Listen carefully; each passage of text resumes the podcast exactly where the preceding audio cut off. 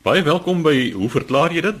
Welkom ook aan ons drie gaste, Lefras Meton, herpetoloog, Henk Geertsma, entomoloog en Hendrik Geier, teoretiese fisikus. Lefras, ons begin by jou. Is giftige slange werklik nodig in 'n ekosisteem? Ja, Chris, ons het 'n brief gekry van Gys de Tooi.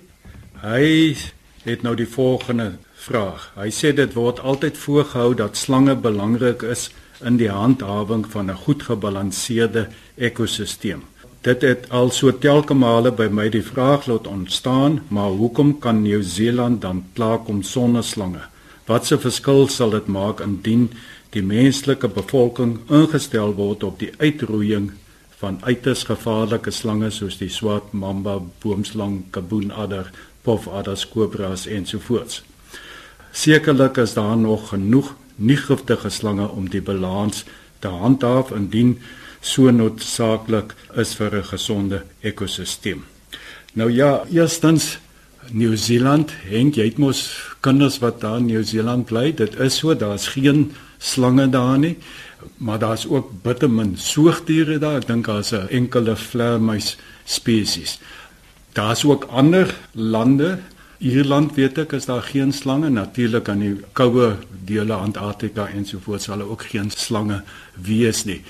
Die geval hierso in Nieu-Seeland en Ierland is natuurlik dit is eilandgroepe wat baie geïsoleer was, nog altyd geïsoleer was oor tyd en slange het net nooit daar uitgekom nie vir 'n ekosisteem se eerste stelling wat hy maak dat slange dan nou sou belangrik wees in die algemeen vir die handhawing van ekosisteme is natuurlik nie waar nie want die ekosisteme soos hy tereg sê funksioneer dan nou sonder slange. Dit is maar net 'n toevalligheid in sekere ekosisteme dat daar ook slange is. Nou ek sien die punt wat hy wil maak in Suid-Afrika het ons omtrent 120 slang spesies, baie baie slange en omtrent net so 30 van hulle het giftande waarvan dan omtrent so 14 dan nou dodelik is vir die mens. So kan mens dan nou nie maar die 14 spesies wat nou 'n probleem is nou maar uitroei nie. Daar sekerlik is daar dan nou nie giftige slange wat daardie rol sou kon vervul of voortgaan om daardie rol te vervul in die ekosisteem. Ja, ek sou met hom saamstem. Dit klink heel aanloklik asof dit kan werk. Die probleem is net mens sou dit kon doen as jy baie baie goeie inligting beskikbaar het presies wat daardie giftige slange in die ekosisteem doen. Ekosisteme is baie kompleks en mens kan groot vlates begaan as jy sekere spesies uithaal want dit kan so 'n domino effek hê op die ekosisteem. Nou daar's verskeie voorbeelde van wat ons noem in Engels keystone spesies, sleutel of is dit hoeksteen spesies, sulke belangrike spesies wat indien jy daardie spesies uithaal dan het dit 'n baie groot effek op die ekosisteem. Gewoonlik is hierdie sleutelspesies is dan predatore en hulle is predatore van een of ander herbivoor spesies wat natuurlik nou plante eet. So as die predator uitgehaal word, dan vermeerder die herbivoor en hy eet meer plante en dit het dan 'n baie groot domino effek op die ekosisteem. Ek kan een so 'n voorbeeld noem. Die dier kom nou nie by ons voor nie, maar die seeotter Dit is in die Stille Oseaan. Nou hierdie otter het 'n baie digte pels, so die pels was natuurlik nou baie waardevol geweest en hierdie otters is gejag vir hulle pels hier in die 1700s tot vroeë 1900s. En hierdie otter het hulle toe nou later uitgevind is een van hierdie sleutelspesies. Hulle vernaamste prooi is seepompoentjies.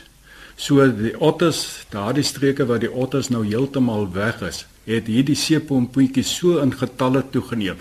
Nou die seepompoentjies eet weer hierdie stingels waarmee bamboes op die rotse vasheg. Mens kan dit nou nie wortels noem nie, maar mos sulke uitgroeisels. Hmm. Hulle eet dit en natuurlik dan kom die seebamboes los van die rotse en hulle spoel uit en vrek en natuurlik daardie seebamboes woude onder die see is 'n ekosisteem op sy eie. Daar's soveel diere wat geassosieer is met seemagboes wat daar skuil. So dit is 'n hele kettingreaksie wat hierdie uitdunning van die seeotter gehad het op ekosisteme.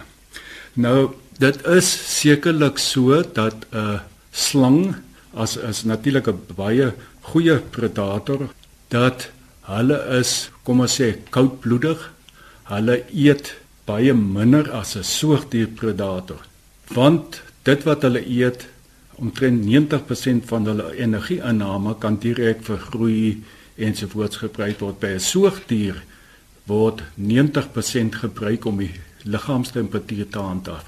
So, uit die aard van die saak dis 'n soogdierpredator eet baie baie meer op 'n daaglikse basis as wat 'n reptielpredator sal eet. 'n Slang sal eenmal in 3 weke 'n rot eet, terwyl 'n soogdier gaan dit elke dag seker 5, 6 rotte of meer moet eet om te oorleef. So ja, slange behoort nie so groot effek te hê soos as dit nou 'n soogdier is wat ons moet uit die stelsel uithaal. Maar tog is daar ook weer 'n goeie voorbeeld hier in 1985 het Thailand. Nou ons weet die Chinese en daai oosterse lande is mos nou die renoste hoor en al die goed. Hulle het hierdie donkie velle. Seker goed het mos nou allerhande medisinale waarde of ander waardes en op daardie stadium was slange, slang dele van 'n slang wat nou dieselfde effekte gehad het die Chinese geglo en Thailand het in 1985 1.3 miljoen slange uitgevoer na die ooste toe. En toe was daar onmiddellik daarna 'n geweldige ontploffing van rotte en daar's iets soos 400 000 hektaar se rysvelde is vernietig deur die rotte. So dit wys maar net dat ook slange kan 'n baie groot rol in die ekosisteem vervul. So om terug te kom, kan ons hierdie giftige slange uithaal? Mens sou kan as daar baie baie goeie navorsing gedoen is voor die tyd om te bepaal wat die potensiële effek op die ekosisteem gaan wees. Maar die vraag is, wil 'n mens dit doen? Gaan dit suksesvol wees? Kom ons sê nou dit dui daarop dat dit gaan nie enige effek op die ekosisteem hê nie. Hoe gaan ons daardie slange uitwis? Want slange word in elk geval die meeste slange en dit is betreurenswaardig, maar as die meeste mense as 'n slang kry, dan maak hulle hom dood. Nou, ek dink nie dit gaan fisies moontlik wees nie. Hierso het ons die rotte, muskiete. Henk, jy kan iets sê oor al hierdie pla huisvliee en waar ons uit ons pad gaan om hulle te vergiftig en hulle is maar nog altyd met ons. So ek dink as mens nou kyk na hoeveel die sterfte syfer as gevolg van slangbyt, dit is minimaal. Sê nou maar 10 persone per jaar. En vergelyk dit met hoeveel mense op die paaie sterf. En weerlig selfs.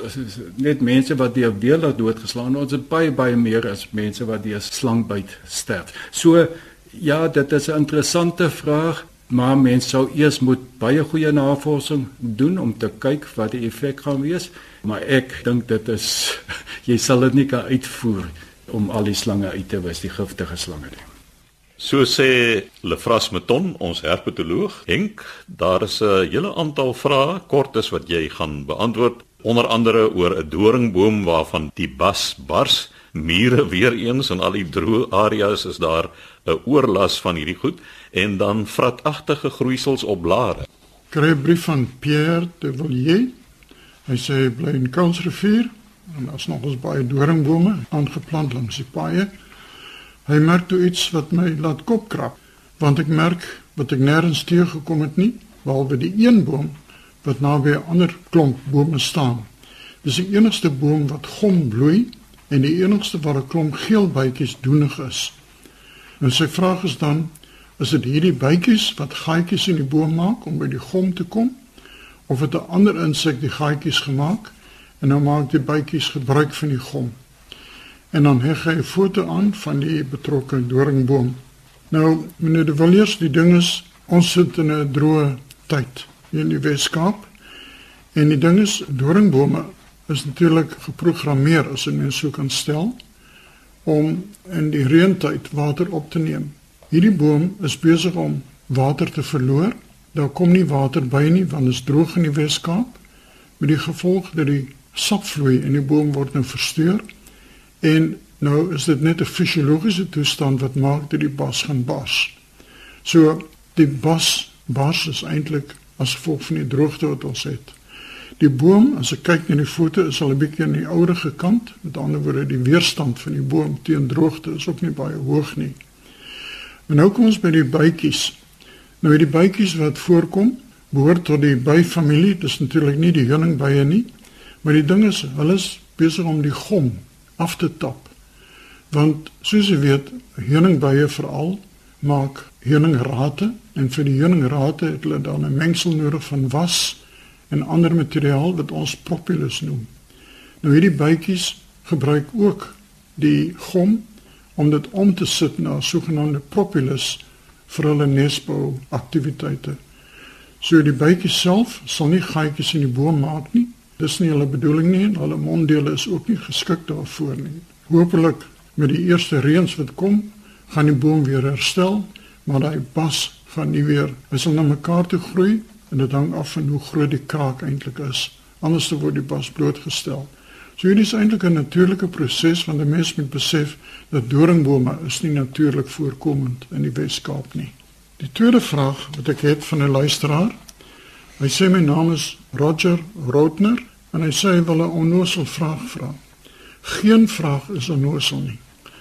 Hy sê een oggend toe ek my brood uithaal, was daar duisende mure daarin. Hy het dit toe maar vir die voëls uitgesit.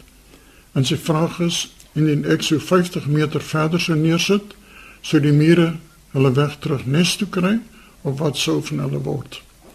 Nou het al baie gepraat oor die mure wat kos kan soek op ver plekke. In die eerste plek, mure maak gebruik van sogenaamde verkenners.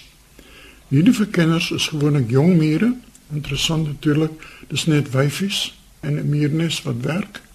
Die mannetjies lê maar 'n bietjie rond, maar die verkenners gaan uit. Hulle is eintlik op soek na bronne van voedsel vir die nes. En dan sou hulle 'n bron van voedsel vind, gaan hulle terug na die nes want hulle het 'n rookspoor nagelaat terwyl hulle van die nes af beweeg na die bron van voedsel. Kom hulle by die nes uit, dan word die boodskap oorgedra deur die antenne te mekaar te laat raak en so en dan kom die boodskap deur werkers gaan haal die kos ek het vir hulle die pad aangedui en so vind jy die mure dan die bron van voedsel so die verkenners het nou die brood gekry en die ding is of dit nou 50 meter verder is die mure gaan dit een van 'n manier tog vind so hou die brood maar in die kombuis Ek dink die vraag is nou of daardie mure wat op die brood sit nou weer die nes kan kry. Want daar's nou geen spoor feromoonspoor tussen die brood en die nes nie. Nou die ding is gelukkig sê Roger, daar's duisende mure. So wat nou gebeur, nou sit dit die kos uit vir die voëls en hierdie duisende mure maal nou rond. En met die rondmalery gaan een of twee van hulle wel die oorspronklike rookspoor optel en terugloop na die nes en die res gaan weer volg. So dis baie interessant. Die klomp mure verdwyn later, maar hulle verdwyn nie, hulle is terug na die nes toe. Ek gaan almal want kyk, die wat nou die nes gekry het, die ander mure weet mos nou nie wie die nes gekry nie. So almal loop nou maar net in allerlei rigtings en hoop hulle gaan een of ander spoor optel. Nee, toe hulle aanvanklik na die brood toe gegaan het, het hulle 'n rookspoor gevind.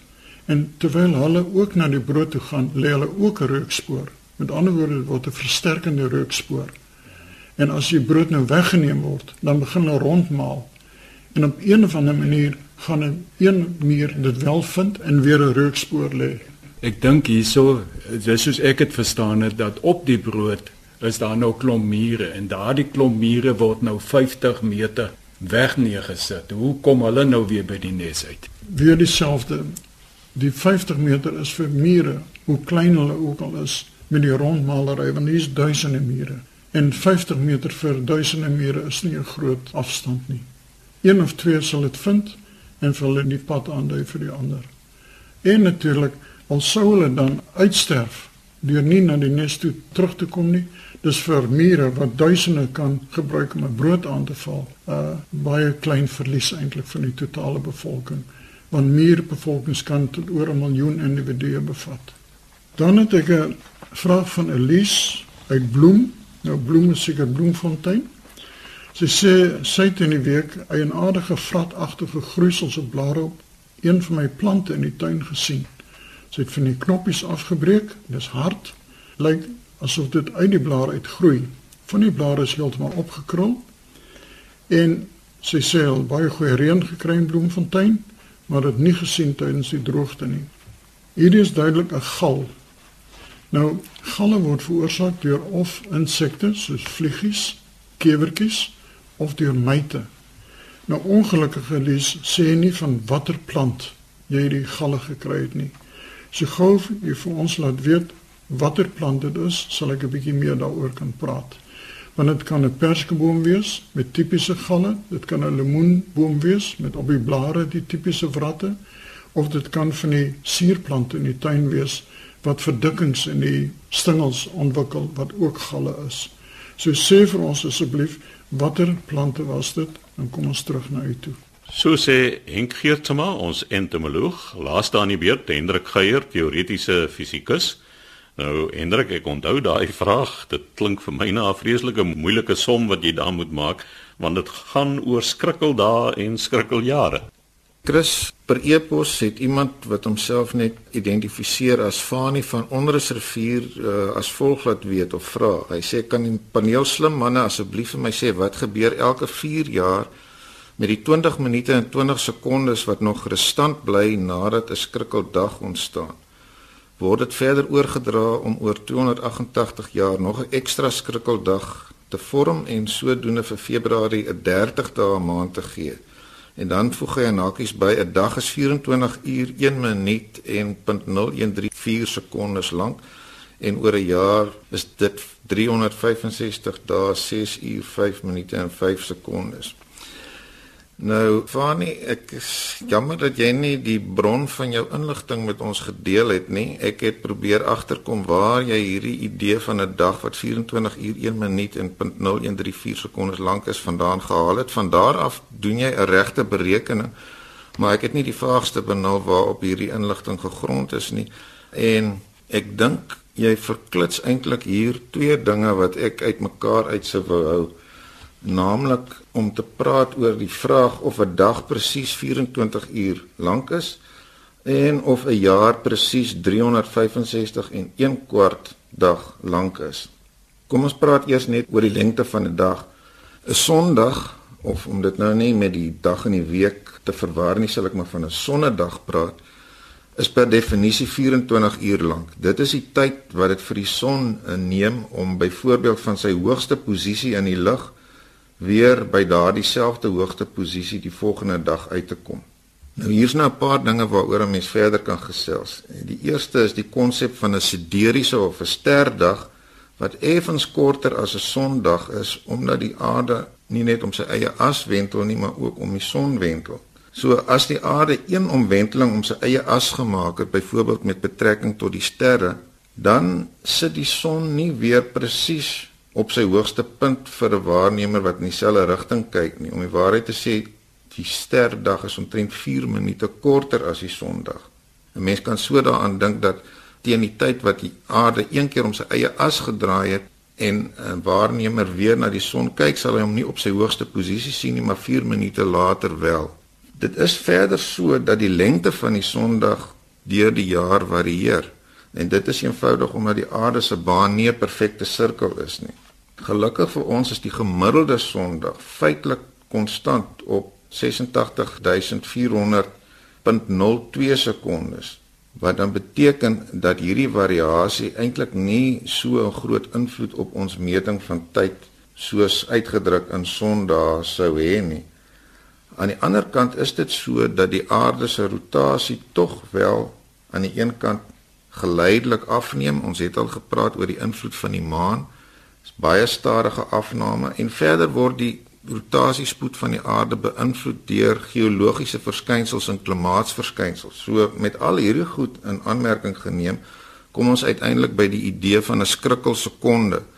Dit is iets wat in die amptelike tydhouding van die wêreld eintlik hier in 1972 ingestel is en sedertdien is daar al 27 keer so 'n skrikkelsekonde bygevoeg om voorsiening te maak vir hierdie variasie in die lengte van die gemiddelde Sondag. Terloops die laaste keer wat dit gebeur het was op 31 Desember 2016 verlede jaar. Maar hierdie klein variasie in die lengte van die Sondag het uiteindelik niks te maak met die verskynsel van die skrikkeljaar nie.